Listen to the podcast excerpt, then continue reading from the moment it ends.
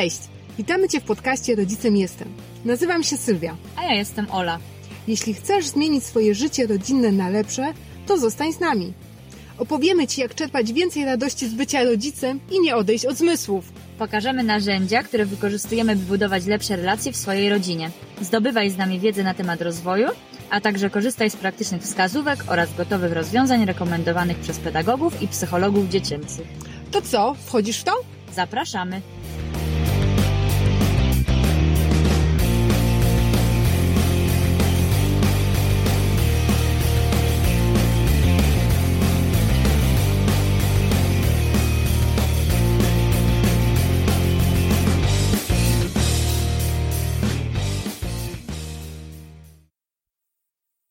Witamy Cię w drugim odcinku podcastu Rodzicem Jestem. Olu, powiedz, o czym będzie dzisiejszy odcinek? Dzisiejszy odcinek będzie poświęcony książce Dodaj mi skrzydeł, jak rozwijać u dzieci motywację wewnętrzną. Autorką książki jest Joanna Steinke-Kalempka, która jest psychologiem, jest trenerką umiejętności psychospołecznych i prowadzi blog Edukowisko. Książka według mnie jest przeznaczona dla rodziców dzieci w dowolnym wieku. Sama autorka wskazuje, że najbardziej przydatna książka może okazać się dla rodziców dzieci w wieku od 7 do 14 lat. Wiąże to z tym, że y, często właśnie w tym momencie pojawiają się problemy z motywacją u dzieci, w związku z tym, że zaczyna się szkoła. Ale tak jak mówiłam, y, tak naprawdę to jest książka dla każdego. Y, dlaczego wzięłyśmy na tapetę właśnie tą książkę? Bo szukamy odpowiedzi, jak zachęcić dziecko do podjęcia jakichś aktywności, który, których ono akurat podejmować nie chce. Na przykład może to być dbanie o porządek, przestrzeganie jakichś ustalonych przez nas zasad, czy właśnie wspomniana wcześniej nauka. Tutaj zwróciłam też uwagę na to przy tej książce, że właśnie autorka mówi, że rodzic najczęściej ma dobre intencje w tym, y, czego chce od dziecka, ale jeżeli dziecko stawia opór, nie chce realizować tego, no już pojawiają się emocje, najczęściej złość. A za tym idzie bardzo często etykietowanie dziecka. Pojawiają się takie myśli jak to, że nasze dziecko jest leniwe, nie chce z nami współpracować, jest niegrzeczne, no albo etykietowanie siebie. Wtedy myślimy sobie, że to ja sobie nie radzę ze swoim dzieckiem, jestem złym rodzicem. A takie myślenie przekłada się na nasze zachowanie i powoduje to, że słabnie relacja, pojawia się walka między rodzicem a dzieckiem, czy niezrozumienie. Okej, okay. Dlaczego właśnie ta książka? Co ją wyróżnia spośród wielu innych pozycji o takiej tematyce? Mnie przyciągnęło to, że autorka w dużej mierze zwraca uwagę na to, że to ty musisz przetrzeć szlak i zapoczątkować zmianę. Czyli zwraca uwagę na tą ogromną rolę rodzica, na to, że dzieci obserwują to, co robisz i to wpływa na to, jak one postępują. Że jeżeli ty się nie zmienisz, to nie zmieni się zachowanie dziecka, nie zmieni się dziecko. Yy, fajne jest też to w tej książce, że jest bardzo dużo ćwiczeń dla rodziców i opiekunów. Autorka zaleca też, żeby ćwiczenia dla dzieci przetestować najpierw na sobie. Autorka kładzie największy nacisk na to, aby rodzic stworzył środowisko, które wspiera rozwój motywacji wewnętrznej u dziecka od najwcześniejszych lat. Yy, I tutaj właśnie przydatne są narzędzia, które pozwalają rozwijać naturalny potencjał dziecka yy, i sprzyjać kształtowaniu jego motywacji wewnętrznej. Dobrze obrazuje to stwierdzenie zawarte w książce, czyli że dobry ogrodnik wie, że potrzeba czasu i cierpliwości, aby pojawiły się plony. I budowanie motywacji wewnętrznej jest tutaj przedstawione jako sianie ziaren. Ważne jest też to, że w książce jest stanowczo powiedziane nie dla motywacji zewnętrznej, czyli metod takich jak metoda kija i marchewki, czyli nagród i kar. I co Równie ważne to, że książka zawiera informacje oparte o rzetelne naukowe badania i jest bardzo praktyczna. Jak zatem będzie wyglądał dzisiejszy odcinek? Książka jest bardzo praktyczna i zawiera bardzo wiele cennych wskazówek, dlatego nie sposób opowiedzieć o niej całej. Stąd wybrałam trzy zakresy tematyczne, które są w niej poruszane. Powiemy o tym, czym jest motywacja, jakie y, dla motywacji ma znaczenie relacja oraz o wpływie nastawienia na motywację. Na koniec powiem kilka słów o tym, co jeszcze możecie znaleźć w książce, z jakich innych źródeł odnośnie motywacji warto korzystać. Przejdźmy do motywacji. Czym jest motywacja wewnętrzna? Żeby powiedzieć coś więcej o motywacji wewnętrznej, zwróćmy uwagę na to, że psychologia dzieli motywację na dwa rodzaje: na motywację zewnętrzną i wewnętrzną. Zacznę od tej drugiej. Motywacja zewnętrzna to wszelkie zachęty, naciski, yy, które stosujesz, aby przekonać drugą stronę do tego, aby zrobiła coś, co chciałbyś, żeby wykonała. Właśnie są to nagrody, kary, pochwały, jakieś przekupstwa. Yy, co ważne, taka motywacja pochodzi z zewnątrz. Nazywana jest metodą kija i marchewki i wiąże się z chęcią kontroli drugiej osoby i jej działań. W przeciwieństwie do tego, motywacja wewnętrzna pochodzi od ciebie, ma źródło właśnie w tobie. Jest to energia, która mobilizuje do zainicjowania działania i zaangażowania się w nie. To znaczy, tak po ludzku, że wykonujesz jakąś czynność, bo jest interesująca, bo daje ci przyjemność, widzisz w niej jakąś wartość, sens. Y, motywacja wewnętrzna wiąże się z tym, że jest większe zaangażowanie, większa kreatywność w wykonywaną pracę, ta praca jest lepiej wykonywana, y, masz poczucie sensu czy satysfakcji. Jakie są więc skutki motywowania za pomocą kija i marchewki? Jeśli chodzi o skuteczność, to nie możemy powiedzieć, że motywacja zewnętrzna nie działa. Ona działa, tylko działa najczęściej tu i teraz. Ona nie powoduje trwałej zmiany. Często wiąże się z tym, że jeżeli zaproponujemy dziecku jakąś nagrodę i często takie propozycje dajemy, to dziecko może oczekiwać coraz większych nagród. W książce opisany jest taki eksperyment z przedszkolakami, w którym dzieciom y, zaproponowano rysowanie y, i podzielono je na trzy grupy. W pierwszej grupie dzieci obiecano nagrodę, odznakę y, już na samym początku za rysowanie. W drugiej grupie zachęcono dzieci po prostu do tego, żeby rysowały, nie mówiąc nic o tym, że będą miały jakieś nagrody. Jednak po samym y, zadaniu otrzymały one odznakę. Trzecią grupą była grupa kontrolna, gdzie nie zastosowano żadnych zachęt. Po dwóch tygodniach y, wrócono do obserwacji y, zachowania dzieci. Okazało się, że dzieci, którym wcześniej obiecano odznakę, czyli obiecano im nagrodę, spędzają po, już teraz ponad połowę mniej czasu na tym, aby rysować. Szczególnie było to widoczne w przypadku dzieci, które wcześniej bardzo lubiły to wykonywać. Jakie wyciągnięto z tego wnioski? Że po otrzymaniu obiecanej nagrody dzieci traciły zainteresowanie już samą aktywnością. Ważniejszy był cel, czyli zdobycie odznaki. Czyli trochę jak z ocenami w szkole. Dokładnie. I to właśnie odwraca uwagę od tej aktywności. Tak jak mówisz z ocenami, dziecko skupia się na ocenie, czyli na celu nie na samym zadaniu, nie na aktywności, nie na przyjemności z jego wykonania. Wiąże się to właśnie z mniejszym zaangażowaniem, z spadkiem zainteresowania, satysfakcji, kreatywności.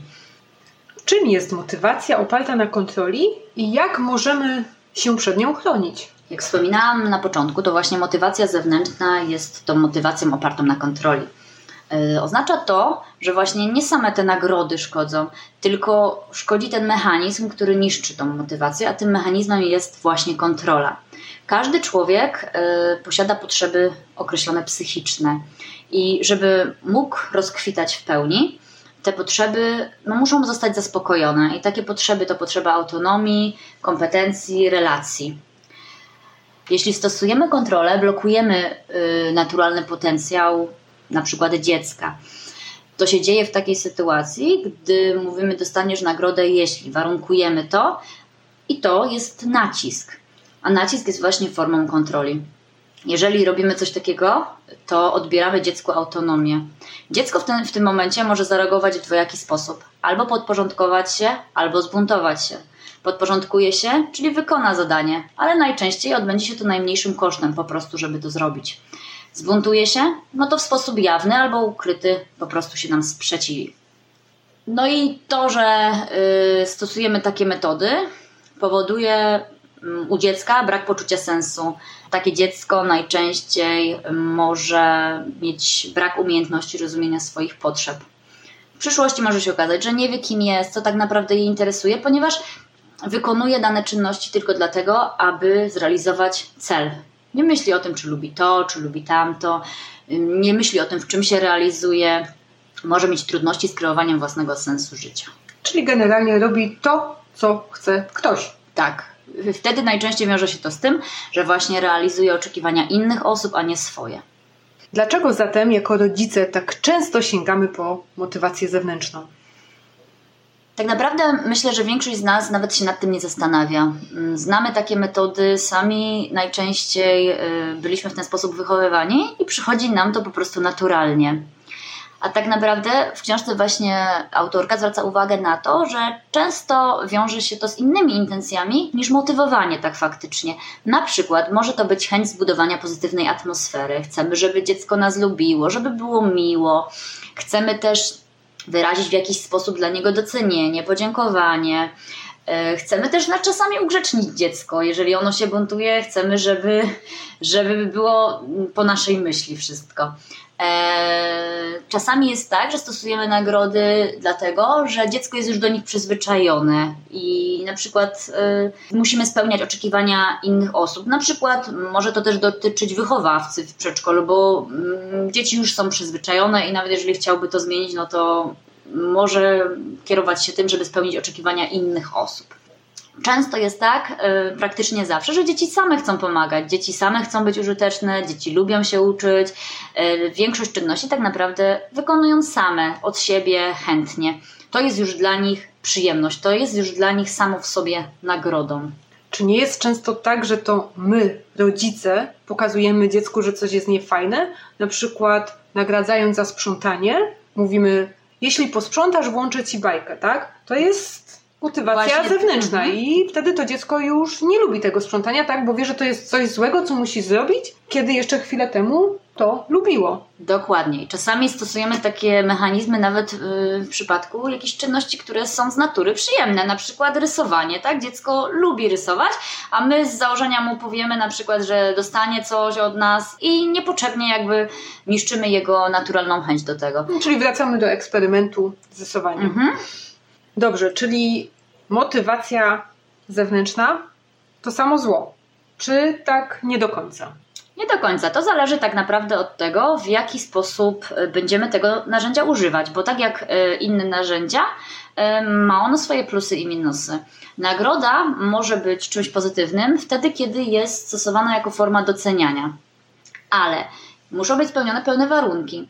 Nie mówimy dziecku na początku, że dostanie nagrodę, jeśli coś wykona. Właśnie ważne jest to słowo jeśli, bo wtedy ono już koncentruje się na tym celu. Ale jak najbardziej możemy na przykład dać dziecku nagrodę w formie mm, docenienia, na przykład jakieś wyjście do kina, na basen, jakaś inna przyjemność dla dziecka, już po wykonaniu jakiegoś zadania, na przykład nad którym się napracowało.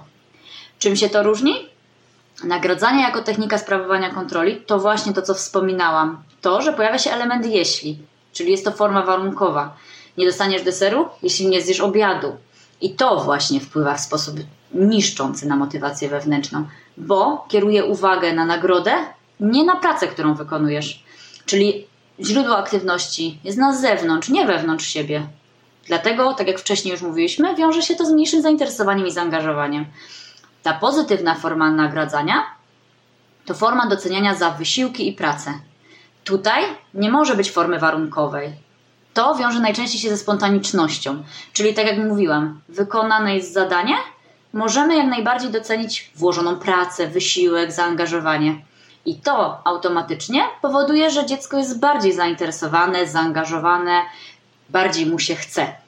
Ważne jest to, żeby zwrócić uwagę na to, żeby tego nie nadużywać bo mimo, że nie będziemy używali słowa jeśli, będziemy używali e, tej nagrody po wykonaniu zadania, ale jeżeli będziemy robić to za każdym razem, dziecko też się do tego przyzwyczai i będzie się spodziewało, że zawsze, gdy zrobi jakąś najprostszą czynność, będzie otrzymywało nagrodę.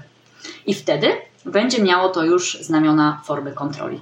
Czyli to trochę tak jak w pracy z premią, tak? Jeżeli ją dostajemy co miesiąc i jesteśmy do niej przyzwyczajeni, to ona już nie jest właściwie żadną nagrodą. Jeżeli ją dostajemy za coś szczególnego, nie wiedząc przed tym zadaniem, no to faktycznie jest to miłe i przyjemne i motywuje do pracy.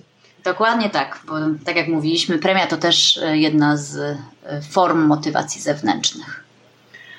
W jakich jeszcze sytuacjach te nagrody zewnętrzne mogą się okazać przydatne. Są też takie szczególne sytuacje, kiedy faktycznie y, nagroda, nawet y, powiedzenie dziecku wcześniej o tej nagrodzie może być czymś y, przydatnym y, i takim nie przynoszącym żadnej szkody.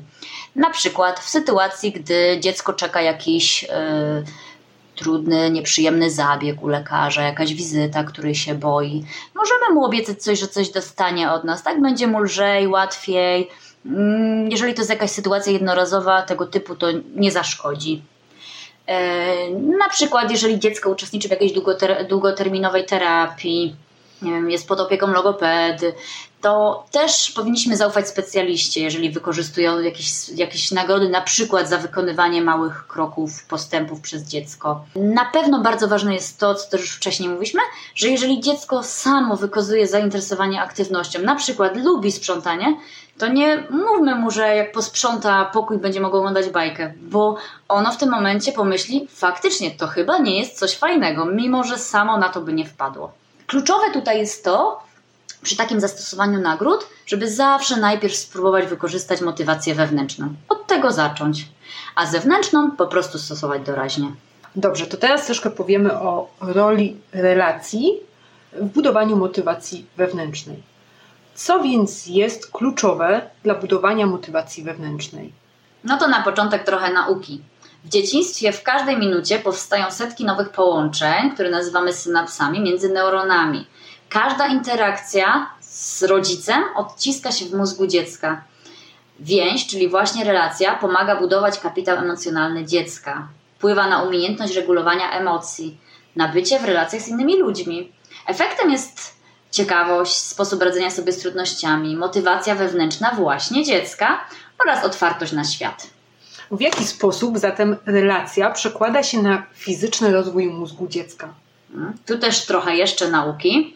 Jest e, taka dziedzina jak neurobiologia interpersonalna, która zajmuje się badaniami pracy mózgu, a szczególnie tym, jak związek z drugim człowiekiem wpływa na procesy motywacyjne, na regulowanie emocji i na doświadczenie bólu.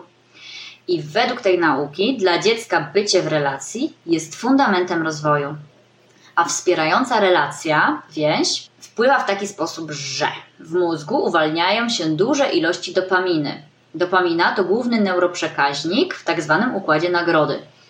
Gdy dziecko ma do czynienia z wspierającą relacją, uwalnia się też oksytocyna, zwana hormonem przywiązania. A to wycisza reakcję stresową, niweluje skutki stresu.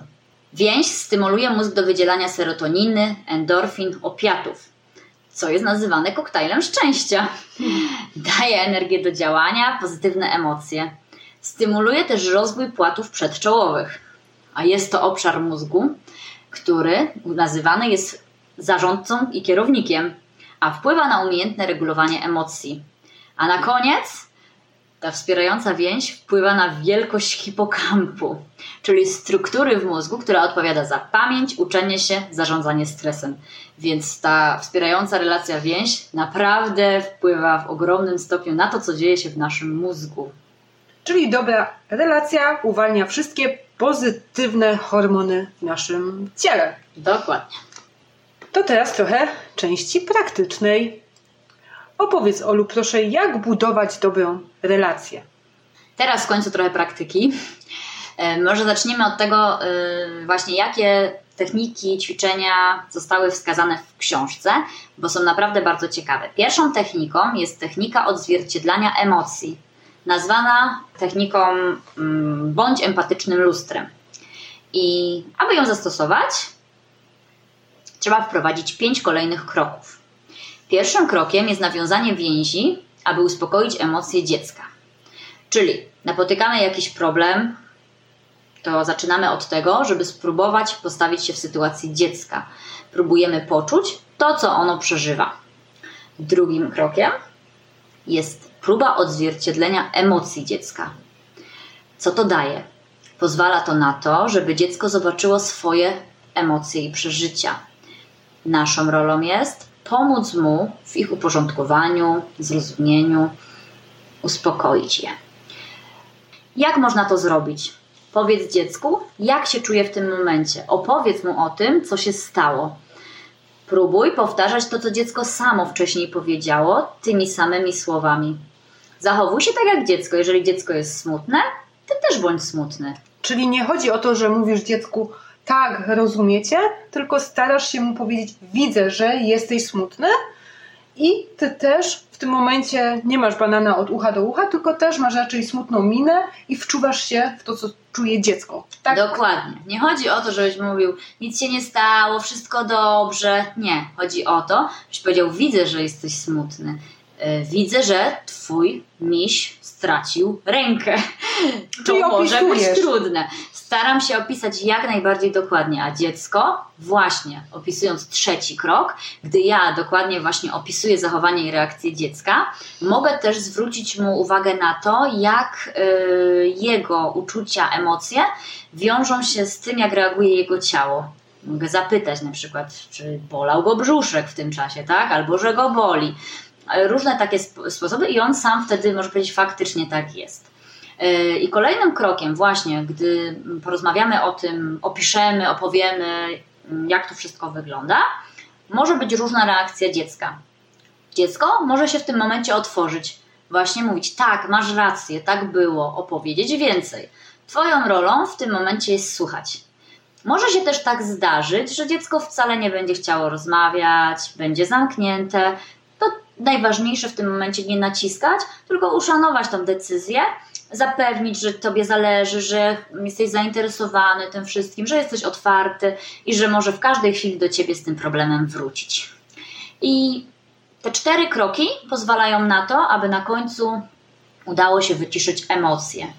E, gdy dziecko poczuje się zrozumiane, jego uczucia wtedy zostaną nazwane i uporządkowane to dziecko najczęściej samo zaczyna szukać rozwiązań. Wielu rodziców, którzy zaczynają stosować tą metodę, dziwią się, że nagle dziecko powiedziało: OK, nic się nie stało, wszystko jest dobrze, szuka rozwiązania. To może, to może ja temu misiowi, nie wiem, tata, pomożesz mi, mama, pomożesz mi, dasz mi igłę, może to razem przyszyjemy. Już nie myśli o tym swoim smutku, rodzic wczuł się w ten smutek, zrozumiał to i on już wtedy myśli o tym, co dalej z tym zrobić. Aby rodzic mógł stać się właśnie takim empatycznym lustrem, potrzebna jest umiejętność empatii.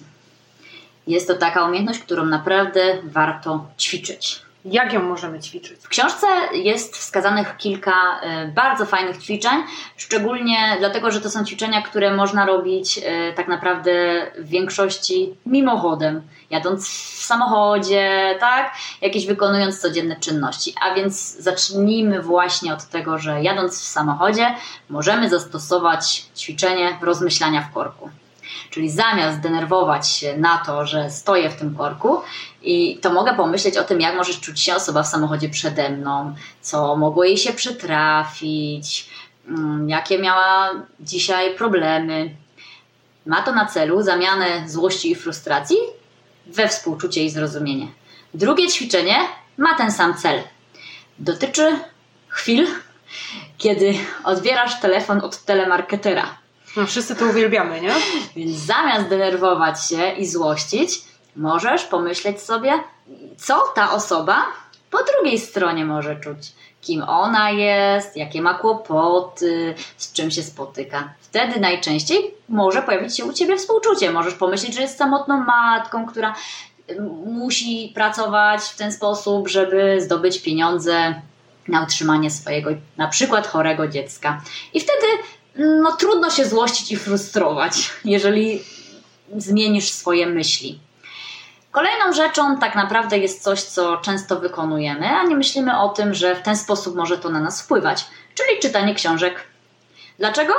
Najczęściej w książkach możemy znaleźć mm, świat pokazany z perspektywy narratora. I ważne, żeby się tutaj chwilę zatrzymać, pomyśleć i faktycznie pomaga to rozwijać empatię, bo sami byśmy tak nie pomyśleli, a tutaj mamy inny punkt widzenia. Musimy się wczuć. Tak. Mogą to być zarówno książki dla dorosłych i dla dzieci. Kolejne propozycje wymagają już troszkę więcej od nas włożenia energii, ale nie jest to jakiś bardzo wysoki poziom zaangażowania. Są to proste ćwiczenia. Na przykład domowy kącik empatii. Wiadomo, jak to w domu, nie zawsze jest miejsce, czas na rozmowę taką pełną empatii, taką właśnie, którą opisywaliśmy przy technice odzwierciedlania emocji. Warto zadbać o to, aby w domu mieć takie miejsce. Nie musi być to jakiś specjalny pokój, może być to kanapa, może być to jakieś wyznaczone miejsce, nie wiem, na dywanie, w pokoju. Ważne, żeby to było miejsce, gdzie będziecie spotykać się z dzieckiem, gdy ono będzie potrzebowało Twojej uwagi w pełni, gdy będzie chciało być wysłuchane. Jedynym zadaniem rodzica, y, już gdy będziecie w tym waszym domowym kąciku empatii, jest słuchanie, jest właśnie odzwierciedlanie emocji. Może być także zadawanie pytań po to, żeby pokazać swoje zainteresowanie. Kolejne ćwiczenie to ciasto empatii. Autorka opisuje, że w duńskich szkołach raz w tygodniu prowadzone są lekcje empatii, na których uczniowie wspólnie pieką ciasta, a później siadają i przy tym cieście w miłej atmosferze poruszają różne ważne tematy. Sam przyznasz, że na pewno łatwiej porozmawiać, porozumieć się, jak się siedzi przy stole w luźnej atmosferze i zajadając pyszne ciasto, które upiekło się wspólnie. Na pewno łatwiej przy cieście niż przy brokułach. tak, dlatego jest ciasto. W książce nawet możecie znaleźć przepis na to ciasto, ale tak naprawdę może być to dowolne ciasto, jakie sobie zażyczycie albo jakie lubicie. I na koniec propozycja rodzinnej gry. Rodzinna gra wiąże się z emocjami. Wiadomo, żeby wykazać empatię, no musimy rozumieć emocje drugiej osoby. Gra jest też prosta, nie wymaga wielkiego wysiłku, wystarczy 10 małych karteczek, możecie pociąć jedną dużą kartkę. E, wypisujecie na tych karteczkach przykładowe sytuacje, którym towarzyszą emocje. Na przykład Tomek zgubił ulubioną zabawkę, Ania idzie na basen z rodzicami. Inne tego typu krótkie zdania z opisem sytuacji. Ważne, jedna sytuacja to jedna emocja. Losujecie po jednej karteczce. Jakie jest zadanie? Zgadnąć, jakie emocje może wywoływać dana sytuacja. Można zadawać różne pytania pomocnicze dla dziecka. Na przykład, jak myślisz, jak się czuje, co ty byś czuł w takiej sytuacji. Można też do tej zabawy wykorzystać karty obrazujące emocje, można w dowolny sposób tą grę rozbudowywać.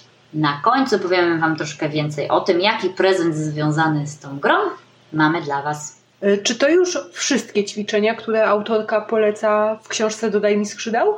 Takie konkretne, krótkie ćwiczenia najważniejsze to tutaj już e, wskazałam, ale są też jeszcze inne elementy, które pozwalają właśnie budować dobrą relację, takie praktyczne, na które warto zwrócić uwagę. Jednym z nich jest to, aby napełniać kubeczek dziecka. Co to ten kubeczek? Autorka e, w książce nazywa to magicznym kubeczkiem. Wyobraź sobie, że we wnętrzu dziecka znajduje się kubeczek gdy jest wypełniony, dziecko może się rozwijać i wzrastać. A co taki kubeczek wypełnia? Taki kubeczek wypełnia Twoja bezwarunkowa miłość i pełna akceptacja dziecka jako osoby. Mm, możesz się starać ten kubeczek wypełniać, ale czasami zdarza się tak, że te starania mogą być nieudane. Dlatego bardzo ważne jest to, żeby uczyć się, jak okazywać dziecku miłość, akceptację, uwagę w taki sposób, aby też dziecko mogło samo napełniać swój kubeczek. I autorka tutaj mówi o sposobach związanych z napełnianiem tego kubeczka. Dokładnie. Opiera się tutaj na pięciu językach miłości, które zostały opisane przez Garego Chapmana. Tu od razu możemy polecić też książkę właśnie o językach miłości, bo nawet tych książek jest kilka mm, o językach miłości i tu nie tylko w relacjach z dziećmi, tylko w relacji w małżeństwie. Jest to naprawdę bardzo ważna i przydatna wiedza. Mm, jest książka dla samych mężczyzn, więc można też mężom polecić, ale wiedza ta jest naprawdę odkrywcza, przynajmniej taka była dla mnie, że każdy może mieć też inne języki miłości, które wpływają na to, że czuje się kochany, akceptowany. I są takie języki jak dotyk, słowa, czas, działanie i podarunki. Co to oznacza? Że każdy może w inny sposób okazywać swoją miłość, i w inny sposób odbierać. Tutaj w przypadku właśnie dzieci bardzo ważne jest to, żebyśmy próbowali okazywać uczucia, akceptację, miłość dziecku na każdy z tych sposobów, żeby nasze dziecko w pełni czuło się właśnie kochane. I co w ramach każdego z tych języków możemy zastosować? Pierwszy język, czyli dotyk, no to jak się możemy domyślić, to przytulanie. Co to daje? Przede wszystkim ładowanie akumulatorów, pozwala na wyciszenie się. Jest to też dobry sposób na trudny poranek. Zamiast od razu się denerwować, czasami wystarczy 5 minut dla relacji i dziecko od razu jest po prostu inne. Lepiej z nami współpracuje, najprościej mówiąc. Chętnie.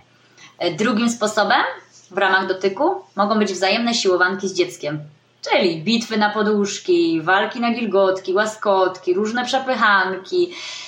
Ważne jest tutaj, żeby ustalić zasady takiej gry i znak stop. Czemu? Bo dzięki temu dziecko ma poczucie kontroli takiej zabawy i jest to dla niego przyjemnością. Trzecią formą dawania miłości w ramach języka, jakim jest dotyk, są masażyki. To bardzo dobry rytuał wieczorny, który pozwala na uspokojenie, wyciszenie dziecka. Tutaj mamy pełną dowolność, pomysłów jest ogrom. Może to być zagniatanie ciasta na pizzę całymi dłońmi, może być wystukiwanie rytmu piosenki opuszkami paluszków lub robienie jakichś mniejszych, większych kółeczek palcem. Drugi język miłości to słowa. Czasami o tym zapominamy, choć wiemy, że to oczywiste. Ale mów swojemu dziecku, że je kochasz, że jest wartościowe, że jest akceptowane. Ważne, żeby nie mówić, że kocham cię za coś, że gdy jesteś taki i taki, żeby nie było tak, że te słowa są tylko wtedy, gdy dziecko jest grzeczne. Na pewno warto używać słów, aby dostrzec i zauważyć wysiłki i starania dziecka, cieszyć się z sukcesów, dzielić radością z odkrywania świata słowami. Trzeci język to czas. I tu bardzo ważne jest nie tylko to, ile czasu spędzamy z dzieckiem, ale przede wszystkim to, żeby był to czas tylko dla dziecka. Często używane jest takie pojęcie, żeby to był specjalny czas. Ważne jest to, żeby tutaj poświęcić dziecku pełną uwagę. Czyli tylko dziecko, i jeżeli mamy więcej dzieci, to żeby znaleźć dla każdego dziecka taki czas. Nie musimy się przerażać, że to musi być od razu nie wiem ile czasu, po prostu, żeby to było przynajmniej 15 minut dziennie. Dobrą praktyką jest to, aby wyłączyć w tym czasie telefon, bo jeśli na przykład zadzwoni nam ten telefon, to dziecko potem też y, zachowuje się gorzej, bo próbuje swoją uwagę zdobyć swoim zachowaniem. Jeżeli gra na komputerze, to podejdź, zobacz, zapytaj, zainteresuj się tym, co ono robi. Tutaj autorka też zwraca uwagę na rodzinne rytuały, właśnie, które pozwalają na to, żeby rodzina y, miała poczucie wspólnoty, wzmacniają więzi. Mogą to być wspólne posiłki, mogą być wycieczki, mogą być filmowe wieczory na kanapie, czy różne inne. Na pewno warto też zastosować u siebie takie rytuały jak pożegnania i powroty, które też y, wiążą nas ze sobą i powodują, że jesteśmy sobie bliżsi. Czwarty język to działanie po prostu codzienność. Gotujcie coś razem, posprzątajcie, traktujcie obowiązki jako przyjemność. I ostatni, podarunki. Nie chodzi o materializm, chodzi o to, żeby czasem zrobić jakiś mały prezent, jakiś drobiazg, zostawić jakiś liścik. I na koniec najważniejsze, abyś mógł napełnić kubeczek Twojego dziecka, najpierw Twój kubeczek musi być pełny. Najpierw musisz zaspokoić swoje potrzeby, żebyś miał siłę na to, aby dać coś z siebie więcej dziecku. Pamiętaj, aktywność fizyczna, zdrowe odżywianie, otaczanie się wspierającymi osobami to na pewno pomoże. A co faktycznie daje dziecku dobra relacja? Przywiązanie to najbardziej znacząca relacja w życiu dziecka. I autorka w książce zwraca uwagę na dwie ważne role opiekuna, rodzica. To, aby był bezpieczną bazą i aby był bezpieczną przystanią. I jaka jest różnica? Bezpieczna baza oznacza to, że dziecko ma poczucie bezpieczeństwa i zaufanie do rodzica. Czyli może uczyć się nowych rzeczy, może poznawać świat. To znaczy, że jeżeli jesteś obok, ono robi swoje. Wydaje ci się, że w ogóle to nie ma znaczenia, czy ty jesteś, czy cię nie ma. Ale jak tylko odejdziesz kawałek, woła, patrzy, szuka. Czyli potrzebuje ciebie mieć obok, potrzebuje wiedzieć, że w razie czego będzie miało twoją pomoc. Dzięki temu dziecko otrzymuje wskazówki, jak się zachowywać w danej sytuacji. Ono chce być zauważone, wie, że może liczyć na wsparcie i pomoc. Na pewno ważne jest to, żeby to było wsparcie, a nie wyręczanie. Żeby dziecko budowało wiarę we własne możliwości, żeby ta wiara nie była podkopywana. Natomiast druga rola bardzo ważna to bezpieczna przystań. Dziecko chce czuć, że gdy skończy eksplorować, poznawać świat, czeka je powitanie z otwartością i radością. Bezpieczna przystań to również pomoc w uporządkowaniu i nadaniu znaczenia emocjom, myślom, wyobrażeniom. To pocieszenie i ukojenie. Przez przywiązanie najczęściej określa się pierwszą więź, która łączy niemowlę z opiekunami. tak naprawdę trwa przez całe życie. I tak naprawdę to każdy człowiek potrzebuje dobrych relacji, aby rozwijać swój potencjał. Na co wpływa jakość przywiązania, taka bezpieczna relacja? Przede wszystkim na poczucie szczęścia w relacji z rodzicami, na samodzielność, na bycie w dobrych kontaktach też z innymi ludźmi, z rówieśnikami, z rodzeństwem. Wpływa na poczucie własnej wartości, na wiarę w swoje możliwości powoduje, że taka osoba ma wewnętrzne umiejscowienie poczucia kontroli i lepiej radzi sobie z emocjami. Było o motywacji zewnętrznej, wewnętrznej, o relacji. Czy to już wszystko, żeby zamknąć temat motywowania dziecka? Tak naprawdę w książce tych tematów jest bardzo dużo. Postanowiłam, żebyśmy w tym odcinku omówiły trzy, więc trzeci, który nam został, to nastawienie. O co chodzi z tym nastawieniem? Co to w ogóle jest? Nastawienie to zbiór przekonań i myśli na temat sukcesu i porażek. To nastawienie wpływa na budowanie motywacji wewnętrznej. I tutaj mamy dwa rodzaje: nastawienie na rozwój i nastawienie na trwałość. To czym jest nastawienie na rozwój, a czym nastawienie na trwałość? Zacznijmy od nastawienia na rozwój. Oznacza, że w każdym momencie życia mogę się zmieniać, uczyć, rozwijać. Inteligencja i talenty mogą, a nawet powinny być rozwijane to nastawienie na rozwój wiąże się właśnie z tym, o czym wspominałyśmy też w pierwszym odcinku, co było początkiem naszego zainteresowania, czyli inteligencję wielorakie. I to jest związane z tym, o czym będziesz akurat ty opowiadać więcej w następnym odcinku.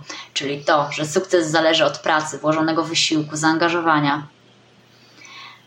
Taka osoba, która jest nastawiona na rozwój, traktuje wyzwania jako możliwość nauki czegoś nowego, to sama ta nauka, to wyzwanie jest ważniejsze od celu. Taka osoba cieszy się z procesu dochodzenia do tego celu. Neuronaukowcy mówią, że mózg jest wyjątkowo plastyczny i możemy rozwijać się i uczyć w każdym wieku, więc tak naprawdę swoje nastawienie możemy zmienić w każdej chwili.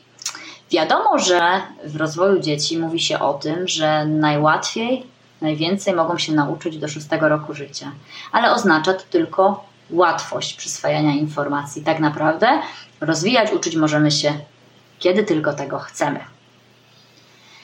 Co ważne, żeby Twoje dziecko miało nastawienie rozwojowe, najpierw Ty musisz takie mieć. Więc jeśli takiego nie masz, to czas na zmianę.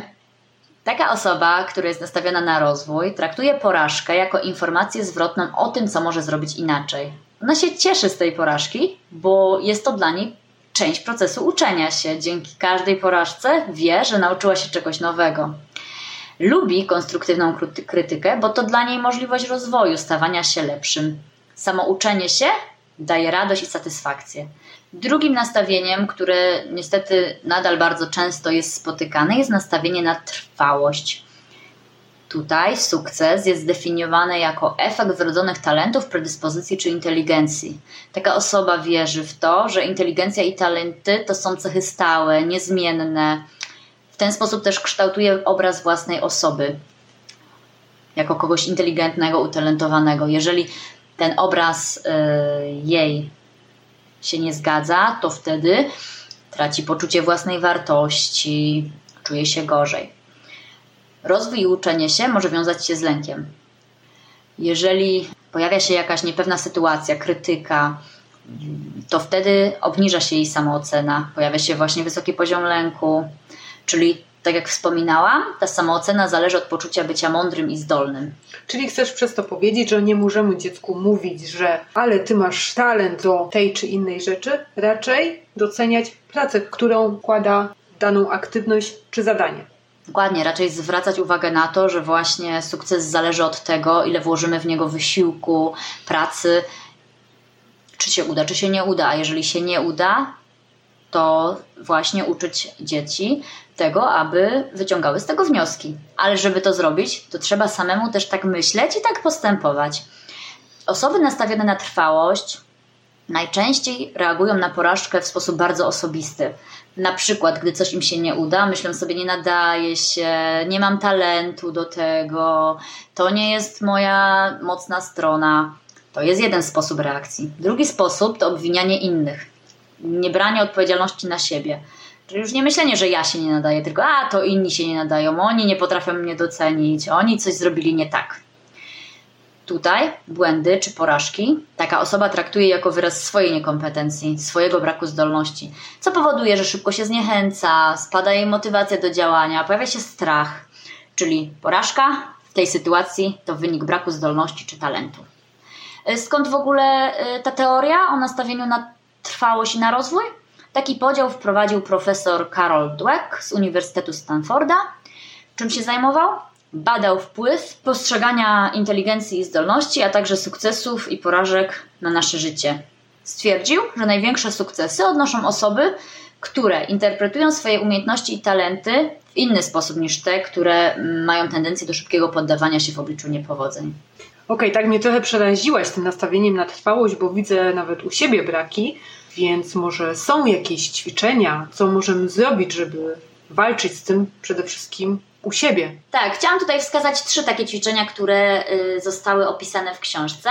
Pierwszy jest bardzo ciekawy, prosty, a w taki dosadny sposób pokazuje to, jak takie nastawienie może działać. Jest to eksperyment z mrówką i myślę, że każdemu dziecku taki eksperyment się spodoba, bo jest ciekawy. Jak to robimy? Potrzebujemy kartkę i mrówkę. Taką żywą? Taką żywą. Pokazujemy właśnie w tym doświadczeniu dziecku, w jaki sposób to nastawienie przekłada się na działanie. Jak to zrobić? Mamy kartkę, mamy mrówkę, kartka pusta. Kładziemy mrówkę na kartkę albo podsuwamy jej po prostu kartkę, tak żeby mrówka się na niej znalazła i obserwujemy, co się dzieje, wiesz? No pewnie, pewnie będzie się poruszać po tej Mrówka chodzi po kartce. całej tej kartce. Co dalej? Bierzemy flamaster, kredkę, cokolwiek i rysujemy koło tej mrówki okrąg. I o dziwo, w tym momencie mrówka zaczyna chodzić obok linii. Zaczyna mieć trudności z jej przekroczeniem. Czyli chodzi w środku koła. Chodzi w środku koła. Już nie chodzi po całej kartce, już ogranicza po prostu swój ruch do tego koła. No bo tam się czuje bezpieczna, to jest taka jej strefa komfortu. No i co, jak myślisz, jakie wnioski? No pewnie takie, że ta linia to te nasze bariery, te nasze przeszkody. Przekroczenie właśnie tej strefy komfortu, w której się dobrze czujemy. Ta mrówka to, to my, tak? A obrysowanie flamastrem to są właśnie te trudności, przeszkody, które sobie sami nieraz wmawiamy. Dokładnie. Jeśli myślisz sobie, że nie masz talentu do matematyki, sam zaczynasz sobie rysować taką niewidzialną przeszkodę. Sam zamykasz się na nowe możliwości rozwoju w tym obszarze i potwierdzasz wtedy tą teorię. Mówisz, nie mam talentu do matematyki, zamykasz się, nie korzystasz z różnych okazji. No i niestety wtedy pozostajesz w tym przekonaniu. Drugie, o tym wiem. drugie ćwiczenie, które może okazać się przydatne, to identyfikacja demotywujących myśli. Mm, czasami po prostu trzeba sobie zdać świadomość z tego, jak się myśli, bo mm, na co dzień nie zwracamy na to uwagi. Czasami warto się zatrzymać i przyjrzeć. To ćwiczenie na pewno warto zastosować do siebie, jako do dorosłego, a także dla dzieci starszych, takich powyżej 9 lat. Jak to zrobić? Zapisywać sytuacje, gdy coś ci się udało, gdy ktoś skrytykował Twoją pracę, gdy nie udało ci się osiągnąć tego, co chciałeś mimo starań. I wtedy te sytuacje obserwujesz i opisujesz, szczególnie pod kątem tego, co sobie pomyślałeś, jakie były Twoje emocje i co zrobiłeś. Zapisujesz to wszystko i wyciągasz wnioski, skupiając się przede wszystkim na tym, jakie myśli ci towarzyszyły. Czy te myśli były wspierające, czy demotywujące? Co mówią o tobie, o twoich sukcesach, o porażkach? Czy to jest prawda? I tak naprawdę, jakie mogą być myśli alternatywne? Jak możesz to wydarzenie, tę sytuację zinterpretować w inny sposób? I często właśnie po takich obserwacjach dopiero zdajemy sobie sprawę, jak naprawdę myślimy i w jaki sposób te nasze, e, nasze myśli, właśnie ta postawa, nastawienie wpływają na nasze działania. I ostatnie ćwiczenie, bardzo podobne, to obserwacja komunikatów, które wysyłasz do innych. Już nie tylko Twoje myśli, ale to, co mówisz innym i też tutaj można zastosować taki dziennik samoobserwacji. Opisujesz sytuację i swoją reakcję. Właśnie co pomyślałeś, poczułeś, zrobiłeś, co powiedziałeś do innych. I w ten sposób można też wyciągnąć wiele ciekawych wniosków. E, słuchając tego, zauważyłam też, że nastawienie na rozwój to coś, co w sumie zapoczątkowało nasze działania i jest jakimś takim naszym przewodnim kierunkowskazem, drogowskazem, tak jak nasza nazwa rodzicielski drogowskaz wskazuje. Właśnie tak samo myślę i czytając ten rozdział o nastawieniu, mm, znalazłam świetny cytat, który pasuje mi właśnie do tego, o co nam tak naprawdę chodzi. Czyli nastawienie na rozwój to wiara w to, że potencjał obecny w każdym człowieku, podobnie jak umiejętności czy zdolności, może być rozwijany za pomocą odpowiednich strategii uczenia się, wkładanego wysiłku, pracy i wsparcia innych.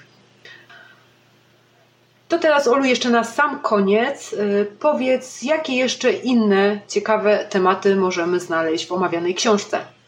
Tak naprawdę w każdym właśnie rozdziale, w każdym temacie omawianym możemy znaleźć coś dla siebie. W książce możemy poczytać jeszcze o mitach motywacji, o tym, jak ważna jest wiara w dziecko, szczególnie odkrywanie jego talentu, o roli wartości i celów, z uwzględnieniem wyznaczania kierunku, nauki planowania, o kompetencjach, szczególnie współpracy zamiast rywalizacji, o mądrych pochwałach i słowach krytyki. Tutaj ważne, że są wskazane narzędzia, jakie można stosować zamiast pochwał, o wspierającym dialogu wewnętrznym.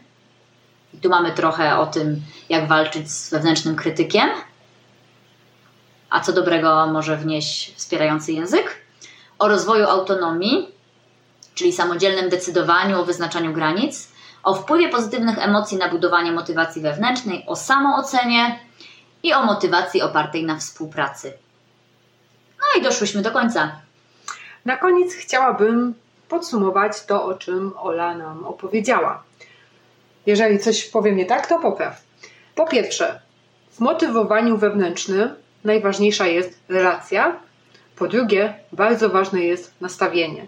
Jeżeli te dwie rzeczy będą współgrać, to będziemy w stanie motywować się wewnętrznie i będziemy też takiej motywacji mogli nasze dziecko nauczyć, bo trzecią ważną rzeczą jest to, że my jesteśmy przykładem dla dziecka i dziecko czerpie od nas wszystkie pozytywne i negatywne wzorce.